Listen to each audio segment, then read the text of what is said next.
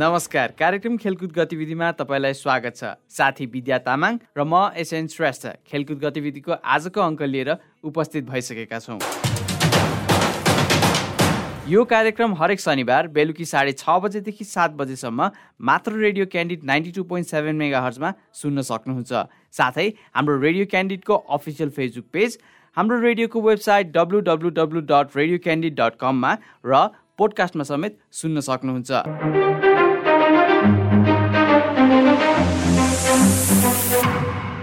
कार्यक्रम खेलकुद गतिविधिमा हप्ताभरि भएको खेलकुदको राष्ट्रिय तथा अन्तर्राष्ट्रिय समाचार विश्लेषण र समसामयिक विषयमा छलफल गर्नेछौँ।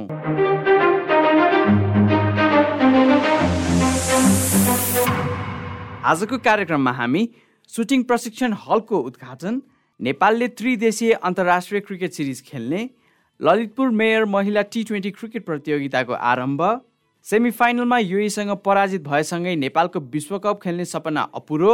विश्वकप ग्लोबल छनौट एमा कुशलको पाँचौँ अर्धशतकसँगै नेपालको तेस्रो स्थान र नेपाल सुटिङ सङ्घका अध्यक्ष पुष्पदास श्रेष्ठसँगको कुराकानी प्रस्तुत गर्नेछौँ। अब पालो साप्ताहिक समाचारको। साप्ताहिक समाचार लिएर आउँदै हुनुहुन्छ साथी विद्या तामाङ। नेपाल सुटिङ सङ्घले सुटिङ खेलाडीको लागि बनाएको प्रशिक्षण हलको उद्घाटन गरेको छ। ललितपुरको सातो बाटो स्थित अन्तर्राष्ट्रिय खेलकुद परिसरमा गत आइतबार भएको उद्घाटन समारोहमा नेपाल ओलम्पिक सङ्घका अध्यक्ष जीवन राम श्रेष्ठले प्रशिक्षण हलको उद्घाटन गर्नुभएको हो। राष्ट्रिय अन्तर्राष्ट्रिय तथा पारा खेलाडीको नियमित प्रशिक्षणलाई लक्षित गरेर सो हलको निर्माण भएको सङ्घले जनाएको छ। नेपालले त्रिदेशीय अन्तर्राष्ट्रिय क्रिकेट सिरिज खेल्ने भएको छ। नेपाल क्रिकेट सङ्घ गत आइतबार मलेसिया र पपुवा न्यू गिनी पिएनजीसँग सिरिज खेल्ने सामाजिक सञ्जाल मार्फत जनाएको हो। क्यानले आज नेपाल मलेसिया र पिएनजीको क्रिकेट बोर्डको लोगो सहितको फोटो सार्वजनिक गरेको हो। सो सिरिजको मिति र खेल तालिका भने सार्वजनिक हुन बाँकी रहेको छ। Nepal Pakistan friendship T twenty cricket प्रतियोगिता फागुन अठार गतेबाट काठमाडौँमा सुरु हुने भएको छ। आयोजक नेपाल स्थित पाकिस्तान दूतावासले गत सोमबार पत्रकार सम्मेलन गरी सातौं संस्करणको प्रतियोगिता फागुन अठारदेखि छब्बिस गतेसम्म सञ्चालन हुने जानकारी दिएको हो। लिग कम नक आउटका आधारमा खेलाइने प्रतियोगितामा बाह्र टिमको सहभागिता रहनेछ। सहभागी बाह्र टिमलाई चार समूहमा विभाजन गरिएको दूतावासले जनाएको छ। चार समूहमा विभिन्न क्रिकेट क्लब तथा एकाडेमीको सहभागिता रहने पनि बताइएको छ। चारवटै समूहका विजेताहरू सेमिफाइनलमा प्रवेश गर्नेछन्। ललितपुर मेयर महिला टी ट्वेन्टी क्रिकेट प्रतियोगिताको पहिलो दिन सुदूरपश्चिम प्रदेश र एपिएफले विजय सुरुवात गरेका छन्। काठमाडौँको किर्तिपुर स्थित त्रिवी अन्तर्राष्ट्रिय क्रिकेट मैदानमा आज भएको खेलमा सुदूरपश्चिम प्रदेशले ललितपुर मेयर एक्स आईलाई अन्ठाउन्न रनले पराजित गरेको हो। पहिले ब्याटिङ गरेको सुदूरपश्चिमले निर्धारित ओभरमा पाँच विकेट गुमाएर एक सय त्रिचालिस रन बनाएको हो। सुदूरपश्चिमको जितमा कप्तान ऋतु कनौजियाले बयालिस रन र रिवाती धामीले उन्नाइस रन बनाइन्। ललितपुरलाई सस्तैमा समेट्न लक्ष्मी साउदले तीन र कविता कुवरले दुई विकेट लिए। अर्को खेलमा एपिएफले प्रदेश एकलाई छ विकेटले पराजित गरेको छ। प्रदेश एकले दिएको अन्ठाउन्न रनको लक्ष्य एपिएफले एघार ओभर चार बलमा चार विकेट गुमाएर भेटायो। एपिएफका लागि ज्योति पाण्डेले तेइस रन रोमा थापाले पन्ध्र रन बनाए। प्रदेश एकलाई सस्तैमा समेट्न एपिएफका लागि करुणा भण्डारीले तीन र राजामती ऐरीले दुई विकेट लिए।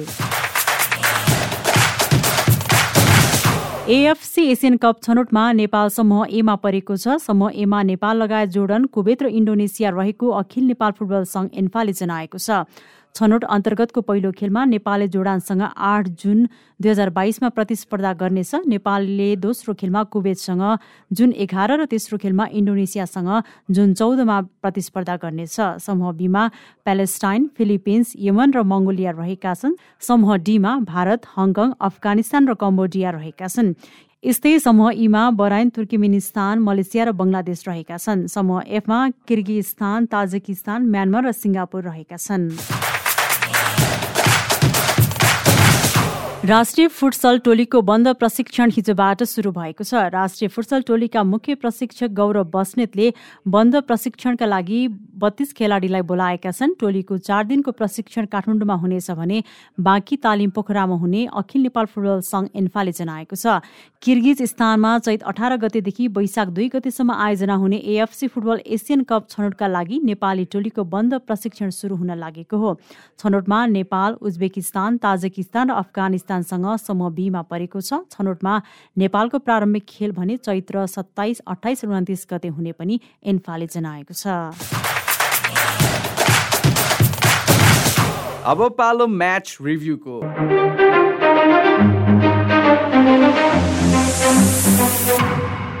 आइसिसी टी ट्वेन्टी क्रिकेट विश्वकप ग्लोबल छनौट एमा नेपालको प्रदर्शन यादगार रहनेछ। छनौटमा ओमानलाई उनाचालिस रनले पराजित गर्दै नेपालले विजय सुरुवात गर्यो। दोस्रो खेलमा फिलिपिन्सलाई एक सय छत्तिस रनले र तेस्रोमा क्यानाडालाई नौ विकेटले पराजित गर्यो।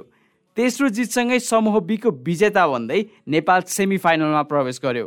सन् दुई हजार चौधमा पारस खड्काको कमानी र मुख्य प्रशिक्षक पुबुद दासा नायकेको प्रशिक्षणमा पहिलोपटक नेपालले आइसिसी टी ट्वेन्टी क्रिकेट विश्वकप खेलेको थियो। यस पटक पनि इतिहास दोहोरिने सारा नेपालीले आशा राखेका थिए। तर लगातारको राम्रो प्रदर्शन पश्चात सेमी फाइनलमा भने नेपालको रणनीति मेहनत र प्रदर्शनले साथ दिएन। फलस्वरूप नेपाल सेमी फाइनलमा युएसँग अडसट्ठी रनले पराजित भयो। खेलको सुरुवातमा टस जितेर युएले ब्याटिङ रोज्यो। बलिङका लागि मैदान प्रवेश गरेका जितेन्द्र मुखियाले एक ओभर चार बलमा पहिलो विकेट लिएसँगै चिराग सुरी आउट भए। त्यस पश्चात मैदानमा उन्नाइस वर्षीय वृत्तीय अरविन्दको प्रवेश भयो। अरविन्दको आगमनले मोहम्मद वसिमले एउटा राम्रो साझेदार पाए।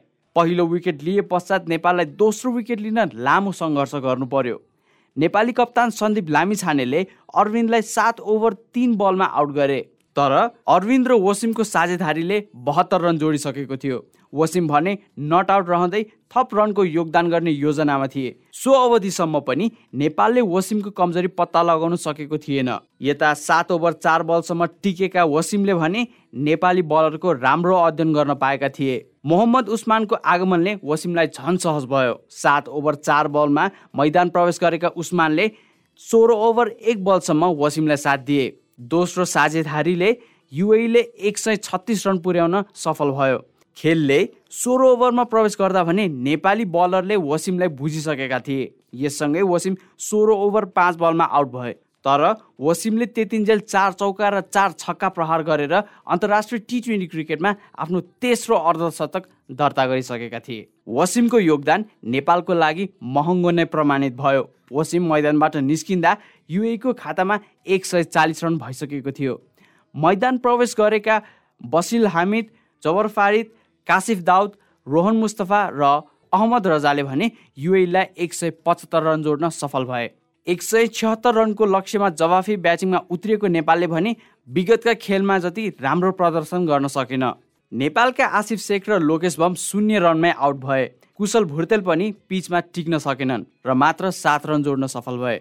आरिफ शेखले एघार रन र ज्ञानेन्द्र मल्लले बिस रन जोडे। बाह्र ओभर पाँच बलमा मैदानबाट बाहिरिएका दिपेन्द्र सिंह ऐरीले अडतिस बलमा तिन चौका प्रहार गर्दै अडतिस रन जोडे भने बाँकी सन्दीप विवेक कमल र जितेन्द्रले सामान्य प्रदर्शन मात्र गरे। यससँगै अठार ओभर चार बलमा समेटिँदा नेपालले मात्र एक सय सात रन जोड्न सक्यो। सो खेलमा नेपाल पराजित भयो। नेपालको यसपटक विश्वकप खेल्ने सपना पनि टुट्यो। तर खेलको सुरुवातदेखि अन्तिम बलसम्म पनि नेपालले आफ्नो शत प्रतिशत नै दिएको भन्नुपर्छ। कवि गोपाल प्रसाद रिमालले भने चाहिँ यो जन्मँदै जगतमा कैयौँ प्रहार आए साम्राज्य दुई हारे हारेन सानो हाम्रो। सोही अनुरूप छनौटमा नेपालले एक खेलमा पराजित भए पनि चार खेलमा शानदार जित निकालेको इतिहास पनि सदा यादगार रहनेछ। नेपालको क्रिकेट टोली राम्रो छ हामीसँग अनुभवी प्रशिक्षक छन्। अब नेपाल क्रिकेट सङ्घ क्यानले धेरैभन्दा धेरै राष्ट्रसँग नियमित प्रतिस्पर्धा गर्ने वातावरण सृजना गरी खेलाडीको अनुभव बढाउन लागि परे विश्वकपको लागि बलियो रणनीति तयार पारेर र क्रिकेटलाई फोहोर राजनीतिबाट बचाउन सके नेपालको लागि विश्वकप छिट्टै नै सम्भव हुनेछ।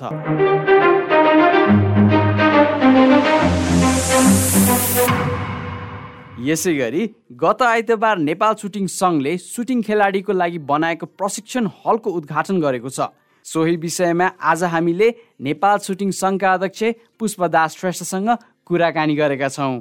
पुष्पदास श्रेष्ठजी सर्वप्रथम तपाईँलाई खेलकुद गतिविधिमा स्वागत छ। थ्याङ्क यू भेरी मच आइतबार उद्घाटन भएको छ प्रशिक्षण हल। यसले चाहिँ नेपाली सुटर्सहरूको विकासको लागि चाहिँ कतिको महत्त्वपूर्ण भूमिका खेल्छ होला त? यो त धेरै भन्नै नसक्ने भूमिका खेल्ने आउँछ यसलाई होइन? किन भन्दाखेरि यो जुन सुटिङ रेन्ज हाम्रो यो आफ्नै यो सुटिङ सनको आफ्नै उसबाट पहलबाट यो हामीले बनाएको हो। जस्तै यसमा चाहिँ बाइसवटा पुल्लीहरू छन्। बाइसवटा पुल्लीमा बाइसजनाले एकैचोटि खेल्न सकिन्छ यसमा।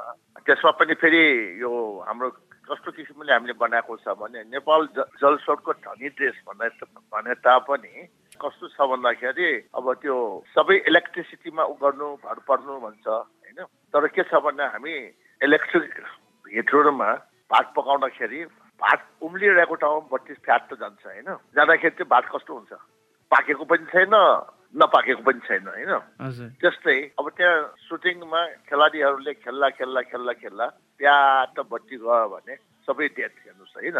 त्यस्तोमा हामीले म्यानुअल पनि राखेको छ बत्ती गाटा पनि खेल्न हुने गरी छन् छ छजना खेल्न सकिन्छ। दोस्रो चाहिँ अब हामीले यो बिगनर्सहरूलाई पनि त्यो त्यहाँ र बाँकी अरूलाई पनि एकैचोटि त्यहाँ प्रशिक्षण दिन सकिन्छ। किन भन्दाखेरि कोचहरू फरक फरक हुन्छ? त्यस्तै फेरि त्यसै उसमा चाहिँ हामीले चाहिँ पाडा जुन यो अपाङ्गहरू छन् नि खेल्ने पाडा सुटिङ भन्छ। त्यसको पनि हामीले त्यसैमा राखेको छौँ।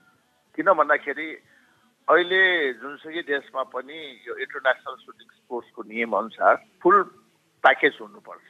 सुटिङ सङ्घ त्यो एप्लेटेड हुनलाई इन्टरनेसनलमा। त्यसमा पारा पनि हुनु पर्यो पारा पनि हुनु पर्यो दस मिटर राइफल पिस्तोल पच्चिस मिटर पचास मिटर ट्र्याप एन्ड स्केच सबै हुनु त्यो सबै हामीले अब त्यही हामी कहाँ भयो भएको हुनाले अब इन्टरनेसनल सुटिङ स्पोर्ट अर्गनाइजेसन र एसियन सुटिङले आफ्नो मेम्बरसिप मा उनीहरूले चाहिँ क्यान्सल गर्न सक्दैन यो पुगेन त्यो पुगेन भनेर। त्यो चाहिँ अहिले चाहिँ अन्तर्राष्ट्रिय क्षेत्रमा चाहिँ मान्यता सधैँभरि रहने भयो।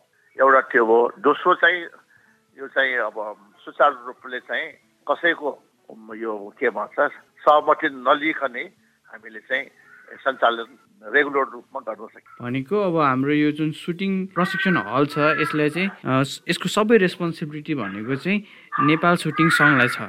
सुटिङ सङ्घलाई छ राइट हो। जुन यो सुटिङ गेम छ यो चाहिँ नेपालमा विश्वमा र एसियामै पनि कम्पेयर गर्ने हो भने हाम्रो इभोल्युसन चाहिँ कस्तो भइरहेको छ त अहिले? अब पच्चिस छब्बिस वर्ष अगाडि के थियो थाहा छैन होइन? तर हामीले दुई डिकेटदेखि ओलम्पिकमा एसियनमा सागमा सबै किसिमको उसमा चाहिँ हामीले चाहिँ हाम्रो सुटिङ खेल पठा सुटिङको खेलाडीहरू पठाएर भाग रेगुलर रूपमा लिइरहेको अब त्यो हामीले पठाएको पठाउनलाई त्यसै पठाएर हुने। क्वालिफाइड हुनुपर्छ बुझ्नु भएन क्वालिफाइड भनेको सबै प्रतिक्रिया जाँचमा पास हुनु हो। त्यो अहिलेसम्म हामीले चाहिँ सबै गराएको। विगत दुई दशकदेखि भनौँ न। भनेको यो जुन हाम्रो सुस्मिता नेपाल लगायतको हाम्रो खेलाडीहरू हुनुहुन्छ उहाँहरूको प्रदर्शनमा पनि राम्रो इन्भेस्ट चाहिँ गरिरहेको छौँ भनेपछि। त्यो त हामीले सुटिङ सङ्घले गरेर पो उनीहरू खेलाडीले जुन इक्विपमेन्टै भएन यो सुटिङ रेन्जै भएन राम्रो कोच भएन भने इन्टरनेसनल कलेक्सन भएन भनेर भने सु सुटरहरूले मात्र त कुनै डेभलप गर्न सक्दैन जस्तै भनौँ न। स्कुल बिल्डिङ छ स्टुडेन्ट छ राइट स्टुडेन्ट छ। तर स्कुलै भएन बेन्चै भएन त्यसमा चाहिँ हेडमास्टर भएन त्यसमा चाहिँ राम्रो यो के भन्छ टिचरहरू भएन भने स्टुडेन्ट भएर मात्र के त्यस्तै त्यस्तै मेन चाहिँ भूमिका चाहिँ के हुन्छ इन्स्टिच्युटको हुन आउँछ। किन एफिलिएसन दिने त इन्स्टिच्युटले हो इन्टरनेसनल कलेक्सन गर्ने इन्स्टिच्युटले हो होइन? इन्स्टिच्युटमा पनि सक्षम र क्वालिफाइड व्यक्तिहरू चाहियो त्यो सबै अहिलेसम्म हामीले पूर्ति गरिरहेको तेह्रौँ सागमा चाहिँ हामीले सुटिङ रेन्जमा चाहिँ पदक ल्याउन सकेनौँ नि। हजुर हजुर। पदकलाई मात्र म चाहिँ उठिँदैन। पदक भनेको त के हो भने चाहिँ तपाईँको यो चान्समा पनि आउँछ गोल्ड मेडल भनेको। त्यो ठाउँमा कसरी प्रदर्शन गर्यो? बुझ्नु भएन सबै डिसिप्लिनली प्रदर्शन गरेको उसमा चाहिँ त्यो नै बेस्ट हुन आउँछ। किन भन्दाखेरि त्यो त्यो टाइममा गभर्मेन्ट हाम्रो राष्ट्रिय खेलकुद परिषदले के गर्यो भन्दाखेरि हामीसँग इक्विपमेन्टहरू पुरानो छ हामीले ल्याइरहेको हामीले ल्याइरहेको अब त ल्याइदिनु ल्याइदिन्छु ल्याइदिन्छु हामी आश्वासनमा परे।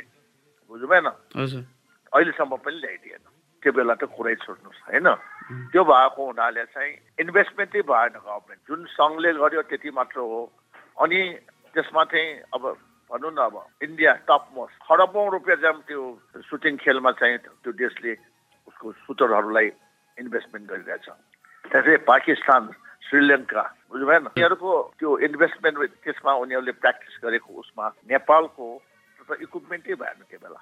त्यसलाई नै मध्यनजर राखिकन हामीले के गर्ने हामी आफैले लिएर अहिलेसम्म जति पनि इक्विपमेन्ट छ नि तपाईँको यो दुई दशकदेखि इक्विपमेन्ट चाहिँ कुनै पनि परिषदले चाहिँ अहिलेसम्म किनिदिएको छ। हामीले नै किनेर ल्याइरहेको छौँ हामीले भने हामीले नै बन्दोबस्त गरेर ल्याइरहेको छौँ। अब जुन अस्ति आइतबारको छ नि त्यो चाहिँ अहिलेको बेस्ट मोडल बेस्ट मोडल यसले चाहिँ अब यो के छ भन्दाखेरि त्यो मोडल मोडलमा चाहिँ पुरानो भएर गयो भने यो च्याम्पियनसिपमा जाँदाखेरि यो साग भयो त्यसपछि आएर हाम्रो यो एसियन गेम भयो त्यहाँ त्यहाँ इक्विपमेन्ट कन्ट्रोल भएर त्यो सबै पास गर्नुपर्छ. ड्रेस यो अनि बन्दुकहरू सबै पास गर्नु पास नभइकन त्यहाँ खेल्न दिँदैन। त्यो भएको हुनाले चाहिँ के छ भन्दाखेरि यो इक्विपमेन्ट चाहिँ बाई हुक एन्ड क्रुक गरेर हामीले उपलब्ध गराउनु परेको देशको लागि। गोल्ड मेडलै आउनुपर्छ भन्ने त्यो छैन। इन्भेस्टमेन्ट हुनु पर्यो देशले। देशले इन्भेस्टमेन्ट गर्नु सक्नु पर्यो। हो कि होइन मलाई भन्नुहोस् त। बच्चा जन्माउने त्यसलाई चाहिँ राम्रोसित तागत त्यो खुवाएर दुध जो चाहिने तागत नखुवाएर हुँदा कुपोषण हुन्छ उनीहरू हो कि त्यस्तै हरेक खेलमा पनि सबै सामग्रीहरू पुगेन भने कुपोषण हुन्छ। त्यो अहिलेसम्म हामीले गर्न दिएको छैन। हजुर भनेको सरकारी निकायबाट चाहिँ सुटिङ सङ्घले अझैसम्म पनि एउटा चाहिने सपोर्ट इभन इन्फ्रास्ट्रक्चरमा पनि पाएको छैन। छैन भन्नु पर्यो अब जति पनि छ यो अहिले यो चाहिँ पहिलो सात गेम नाइन्टिन कति नाइन्टी एटमा होइन तपाईँको? त्यो बेला चाइना सरकारले बनाइदियो त्यही मात्र छ। अब त्यो अस्ति हामीले नै लबिङ गरेर त्यो चाहिँ रिनोभेसन चाइना गभर्मेन्टबाटै गरिदिएको छ। मित्र राष्ट्र चिनले नै गरिदिएको छ। हजुर भूकम्पपछि रिनोभेसन बस बस भूकम्पपछि हामी रिनोभेसन हामीले नै पहल गरेर गराएको। त्यो पहल गरेर ऊ नगरेको भए के हुन्थ्यो भने हामीले सात गेम सुटिङमा खेलाउँदै छ किनभने इन्फ्रास्ट्रक्चरै छैन। हामीले देशको लागि इज्जत बचाए त्यसपछि जुरीहरू बाहिरबाट ल्याउनु पर्ने थियो। सबै परिपूर्ण नभइकन आउँदैन। हामीले सबै इन्टरनेसनल हाई लेभलको जुरीहरू मगाएर गरे। त्यो बेला पनि हाम्रो सरकारले उनीहरूलाई जुन दिनुपर्ने रकममा ट्याक्स काट्नु संसारभरि ट्याक्स फ्री छ जुरीमा आउनेहरूलाई। तर उनीहरूको ट्याक्स काटेर दियो। त्यो ट्याक्स पनि हामीले हामीले थपेर दिए सङ्घले नि अब यस्तो यस्तो उसमा चाहिँ हामी चाहिँ चाहिँ के भन्छ खेल विकासको लागि लागिरहेको सबै पदाधिकारीहरू। हामीसँग राम्रो प्लेयर्स पनि छ हामीसँग राम्रो कोच पनि छ हामीसँग राम्रो म्यानेजमेन्ट टिम पनि छ तर हामीसँग चाहिँ इन्फ्रास्ट्रक्चर र सपोर्ट चाहिँ भएन सुटिङको लागि। अब भयो अब भयो। हजुर अहिले चाहिँ त्यो पूर्ति भयो। अब हामीले पूर्ति गर्यो। हजुर भनेपछि यो जुन बिस दशकदेखि हाम्रो नेपाल सुटिङ सङ्घ चाहिँ एउटा स्ट्रगलबाट गइरहेको थियो त्यो एउटा डार्क पिरियड चाहिँ हाम्रो लागि अन्त्य भयो। करिब करिब अन्त्य अन्त्य हुन लाग्यो अब। हजुर अनि नेपालमा चाहिँ हामीले पिस्टल र राइफलमा मात्र फोकस गर्छौँ सर्ट गन भन्दा पनि कि कस्तो छ सिस्टम? हामी कहाँ त्यो सर्ट गनको सर्ट गनको ऊ थिएन तर हामीले अहिले राखेको छौँ होइन? पच्चिस मिटर र पचास मिटर राइट पच्चिस मिटर पचास अब राखेको छौँ। त्यसको गनहरू भनेको फायर आर्म्स हो। त्यो अहिले हामीसँग छैन। होइन? किनभने यो अस्ट्रेलियाको एयरगन छ नि। एउटा एयरगनको जर्मनीमा छ हजार युरो। छ हजार युरो भनेको कति भयो? पन्ध्र सय नब्बे नौ लाख रुपियाँ त त्यही परेको। एक लाख रुपियाँ त त्यो भाडा सारा लाखौँ एयरफ्रेट होइन? दस लाख। दस लाखमा भङ्सार तिर्यो भने दुई सय पचास पर्सेन्ट छ। बुझ्नु भएन भन्दाखेरि कति पर्न आउँछ?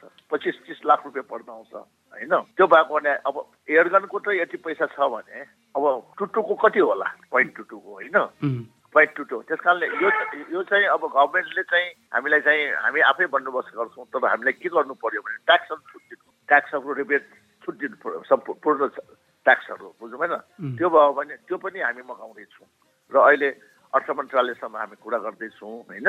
खेलको विकास गर्ने हो भने तपाईँहरूले के पनि गर्नुपर्ने हामी नै गर्छौँ। हामी नै इन्भेस्टमेन्ट गर्छौँ गराउँछौँ होइन?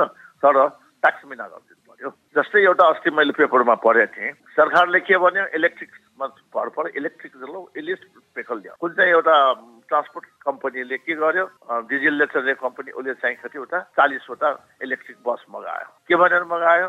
ल तपाईँहरूले सम्पूर्ण ट्याक्सहरू छुट दिन्छु भनेर। तर रक्सोलमा आइपुगेपछि के भन्यो? होइन ट्याक्स चाहिन्छ भने त्यो रक्सोलमा त्यसै पऱ्यो त्यो देशको खेर गरेन त्यस्तै हामीलाई डर के छ भने हामीले पनि भन्सारमा ल्याइसकेपछि त्यस्तै त्यहाँ अड्क्यो भने के गर्नु? पछि छुटाउन जाँदाखेरि त्यसको डेपुटेड चार्ज त्यो ट्याक्सभन्दा बढी पर्ने हुन्छ। त्यस कारणले हामीले चाहिँ यो अहिले अर्थमन्त्रीज्यूसँग पनि सहकारी गरिरहेछौँ होइन? तर यहाँ ब्युरोक्राइट कस्तो रहेछ भन्दाखेरि यो तह तह हामीले डाइरेक्ट गर्न नपाउने। अब हामीले परिषदलाई भन्नु पर्यो राष्ट्रिय राष्ट्रिय खेलकुदबाट फेरि युवा तथा खेलकुद मन्त्रालयमा जानु पर्यो। त्यहाँबाट फेरि गृहमा जानु पर्यो गृहबाट फेरि अर्थ जानु पर्यो अर्थबाट फेरि वाणिज्य जानु वाणिज्यबाट भन्सार जानु पर्यो। यस्तो लेन्दी प्रोसेस छ कि। चेन अफ कमान्ड चाहिँ लामो प्रोसिडियर छ तर आउटपुट चाहिँ छैन। छैन। त्यो भएको हुनाले चाहिँ अब हामीले अर्थमन्त्रीजीसँग कुरा गर्दै थिएँ गरिरहेको छौँ होइन। उहाँले आश्वासन दिनुभएको छ we will try from the best लिपिल कति छुट दिन सकिन्छ छुट हामी दिन्छौँ भनेर भन्नुभएको छ होइन। तर हामीलाई त्यो जुन बसहरू ल्याउँदाखेरि त्यहाँ रक्सोल्ला परिरह भने नि त्यस्तै होला भनेर डरले अहिले अलिकति हामी चुप लाग्छ। फ्याड आर्म्समा चाहिँ तर त्यसको चाहिँ हामीलाई लिखित उसमा पायो भने हामी फटाफट हामी ल्याउँछौँ। अनि सुटर्सहरू प्लेयर्सहरू चाहिँ प्राय हामीले आर्मीको ब्याकग्राउन्ड पुलिसको ब्याकग्राउन्ड चाहिँ बढी आबद्ध भएको देख्छौँ होइन? यो यो यो ममा चाहिँ हन्ड्रेड पर्सेन्ट म मान्दैन हजुर हजुर। जस्तै अब स्नेहा राजा रश्मि भन्यो ऊ भो त्यो।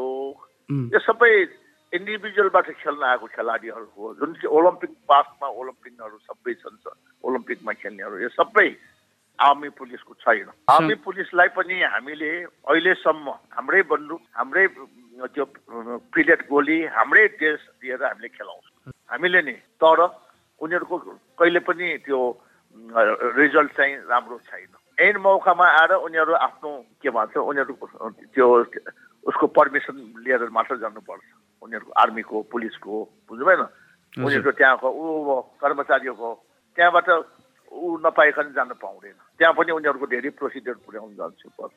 तर जति पनि सबै हो त्यसमा केही थियो तर रिजल्ट अहिलेसम्म राम्रो निकाल्न सकेको छैन। तर यसपालि जाने जुन यो कल्पना परिवार भन्ने जग्गा नि हजुर हजुर। ओलम्पिक जापानमा आर्मीले आर्मीलेको इन्फ्रास्ट्रक्चरबाट गएको हो त उसको खेलाडी पठायो। तर उसलाई हामीले स्कलरसिप दिनुभएको थियो। हामीले के गरे हामीले ड्रेस हामीले उपलब्ध गराएको ट्रेनिङ हामीले उपलब्ध गराएको ठाउँ हामीले उ गरेको होइन? अनि जापानमा भयो यो त्यहाँ उ गर्नलाई क्वालिफाइड हुनलाई हामीले चाहिँ चार ठाउँमा त्यो च्याम्पियनसिपमा उनीहरूलाई क्वालिफाइड गराउनु पर्छ त्यसमा के आर्मीले पुलिसले एक पैसा बेहोरेको छ त? त्यहाँको होटल चार्ज त्यो रेजिस्ट्रेसन चार्ज त्यहाँको यो हवाईजहाजको खर्च। त्यो सबै हामीले बेहोऱ्यो भन्दाखेरि उनीहरूको बढबड छ भनेर कसरी भन्नु एउटा त्यो भयो दोस्रो कुरा के छ भन्दाखेरि सबै हामीले नै उपलब्ध गराएको छ। सबै हामीले नै उपलब्ध त्यहाँ गएर रेकर्ड हेर्नुहोस् त के पनि छैन। खालि मान्छे मात्रै त्यहाँबाट आएको हो। तर ट्रेन त हामीले गरेको हुन्छ। कल्पनालाई त पनि हामीले हेर्नुहोस्। अरू खेलकै खेलाडीहरू भनौँ न होइन? सबै त्यो लजमा राख्छ बन्द प्रशिक्षण भनेर। तर कोभिडको कारणले गर्ने हामीले चाहिँ एभरेस्ट होटलमा फाइभ स्टारमा राखेँ तिन चार महिना। किन भन्दाखेरि टाइममा उनीहरू सङ्क्रमित नहोस् भनेर। फुल्ली डब्लुएचको मापदण्ड राखेर हामीले त्यहाँ एभरेस्ट होटलमा। त्यहीदेखि हामीले आना जाना कसैको कन्ट्याक्ट हुने नभइकन हामीले गरायो। त्यो कसले गरेको त? हामी सुटिङसँगले गरेको। बन्द प्रशिक्षण त्यसपछि हामीले प्रेसर दिएर हाम्रो अनि पछि त्यो बेला सर सचिवले के भन्नुभयो भन्दाखेरि ल तपाईँहरूले त बन्द प्रशिक्षणको लागि नै त्यहाँ राख्नुभयो। त्यस कारणले हामीले त अब सानो टुर्ने होटलमा राख्नु हुँदैन कहाँ राख्ने सुल्टीमा राख उहाँले सुल्टीमा सबैलाई राखिदियो। एउटा ट्रेन बस्यो नि गरेर के गर्छ हाम्रो यहाँ एम्बेसीहरूमा जति पनि छन् जापानिज एम्बेसीले ओहो अहिले त नेपालले पनि आफ्नो खेलाडीहरूलाई हाम्रो देशमा आउनुलाई राम्रो ठाउँमा राखेको हुनाले हामीले चाहिँ हामीले चाहिँ सिधै उनीहरूलाई भित्राउन सकिन्छ। यस्तो कोभिडको टाइममा पनि। किनभने यिनीहरू फुल्ली यहाँ सेनिटाइज भइसकेको छ भने। त्यस्तो समय तारिफ गरियो भनौँ न। नेपाल सुटिङ सङ्घले चाहिँ प्लेयर्सहरूलाई ग्रुम गर्नको लागि के कस्तो प्लानहरू गर्दैछ त? अब सबभन्दा पहिला त हेर्नुहोस् यहाँ एसियन गेममा सेलेक्ट छानेर लैजानको लागि नेपालको राष्ट्रिय गेम हुनु पर्यो राष्ट्रिय गेममा पहिला दुसरा टेस्टलाई उनीहरूलाई ट्रेन गरेर त्यहाँ लाने गर्ने हो। तर राष्ट्रिय गेम हुने त उही छँदै छैन सम्भावनै छैन होइन? त्यो भएको हुनाले हामीले के गर्नु रहेको छौँ भन्दाखेरि अहिले हामीले नि ओपन नेपाल अधिराज्यभरिको सुटरहरूलाई ओपन कम्पिटिसन गरेर हामीले ओपन कम्पिटिसन गरिरह्यो त्यसमा टप टेन आएकोहरूलाई हामी ट्रेनिङ दिन्छौँ। टप टेन एपमा त्यहाँ त्यसमा पनि फिल्टर गर्दै गरेर त्यो हरेक महिनामा त्यहाँ कम्पिटिसन गराएर लगाएर पहिला दोस्रा तेस्रा कुन हुन्छ त्यसमा तिनीहरूलाई चाहिँ हामी चाहिँ सिफारिस गर्छौँ एसियन गेमको लागि। किनभने हामीसँग इन्फ्रास्ट्रक्चर छ राम्रो छ अब कोचहरू पनि हामी बाहिरबाट मगाउँछौँ मगाइ पनि राखेका छौँ होइन। अनि त्यसपछि आएर हाम्रो चाहिँ अब हामीसँग इक्विपमेन्ट छ। अझ पनि हामी ल्याउँदैछौँ। अब यो नेपाल चाहिँ के भयो? सात प्रदेश प्रदेशमा गयो। त्यो प्रदेशवाला कराइरहेछ अब उनीहरूलाई पनि हामी चाहिँ डेभलपमेन्ट गराउँदैछौँ गर्न लागेका छौँ। त्यसै कारणले सुदूरपश्चिमदेखि अब यही शुक्रबारतिर हामी चाहिँ म चाहिँ टुरमा जान लागेको छु। त्यहाँ के के कस्तो अवस्था छ के को व्यवस्था गर्नुपर्ने छ भनेर त्यो बुझ्नको लागि पनि जानेछु। भनेको प्लेयर्स हन्टिङमा जाँदै हुनुहुन्छ तपाईँ। भन्नु पर्यो। कि त आफू नालायक बनेर बस्ने होइन कि त छोडिदिने कि त केही गरेर देखाउने। किनभने कसैले के गर्ला भनेर आश छैन। साप गेमको टाइममा तिन सय तिन तिन लाख पचास हजार रुपियाँ दाम सञ्चालन लाग्थ्यो। गुल्ली डन्डालाई पनि त्यही दियो फुटबललाई पनि दियो सुटिङलाई पनि त्यही दियो स्विमिङलाई पनि त्यही दियो होइन? तर हाम्रो यो इलेक्ट्रोनिक इक्विपमेन्ट त्यहाँ के भने प्लक्स यो इलेक्ट्रिक फ्लक्चुएसन भयो भने फेरि चोरोमा आउँछ तुरुन्तै। त्यस कारणले त्योभन्दा बढी पैसा त हाम्रो डिजेलमा मात्रै गयो त्यसलाई। सोध्नुहोस् होइन अब अहिलेसम्म त्यो जुन एक्स्ट्रा खर्च भएको छ होइन दसौँ लाख रुपियाँ दाम छ र त्यो त अब सङ्घले पाउँदैन। यस्तो अवस्थामा यहाँ कोही पनि अब अध्यक्ष हुन आऊ भनेर हामी आह्वान गर्छौँ कोही पनि आउँदैन। के गर्ने हो? यो अहिले के छ भने हाम्रो यो जुन पदाधिकारी कोचहरू भयो यिनीहरू भयो होइन? हाम्रो जिल्ला सङ्घहरू सबै कोअपरेटिभ टाइपको छ होइन? मिलिजुली र हामी बढाउँदै व्यस्त समय पनि हाम्रो कार्यक्रम खेलकुद गतिविधिको लागि समय निकालेर बोलिदिनु भयो। त्यसको लागि धेरै धेरै धन्यवाद। तपाईँ कुनै पनि बेलामा भन्नुहोस् हामी सुटिङ सम्बन्धी डेभलपमेन्टको लागि के के गरिरहेछौँ के गर्नुपर्छ र झन् तपाईँले जुन यो हामीले गरिरहेको प्रोग्रेसको लागि तपाईँहरूले यो मौका दिनुभयो जनसमस्या पुर्याउनु त्यसको लागि हाम्रो नेपाल सुटिङ सङ्घको तर्फबाट धेरै धेरै धन्यवाद। आजको कार्यक्रम खेलकुद गतिविधिमा हामीले खेलकुदको साप्ताहिक समाचार सहित नेपाल सुटिङ सङ्घका अध्यक्ष पुष्पदास श्रेष्ठसँगको कुराकानी प्रस्तुत गऱ्यौँ कार्यक्रमबारे तपाईँको सुझाव सल्लाह वा कुनै जानकारी भए फेसबुक पेज अथवा radio Candid ninety two point seven at the rate Gmail dot कममा इमेल गर्नुहोला। उपयुक्त सुझावलाई हामी पक्कै ग्रहण गर्नेछौँ। कार्यक्रम सुनिदिनु भयो तपाईँलाई धन्यवाद। हवस् त अर्को शनिबार फेरि भेटौँला। सशिन्द्र गौतम विद्या तामाङ र म एसएन श्रेष्ठ। बिदा हुन्छौँ नमस्कार।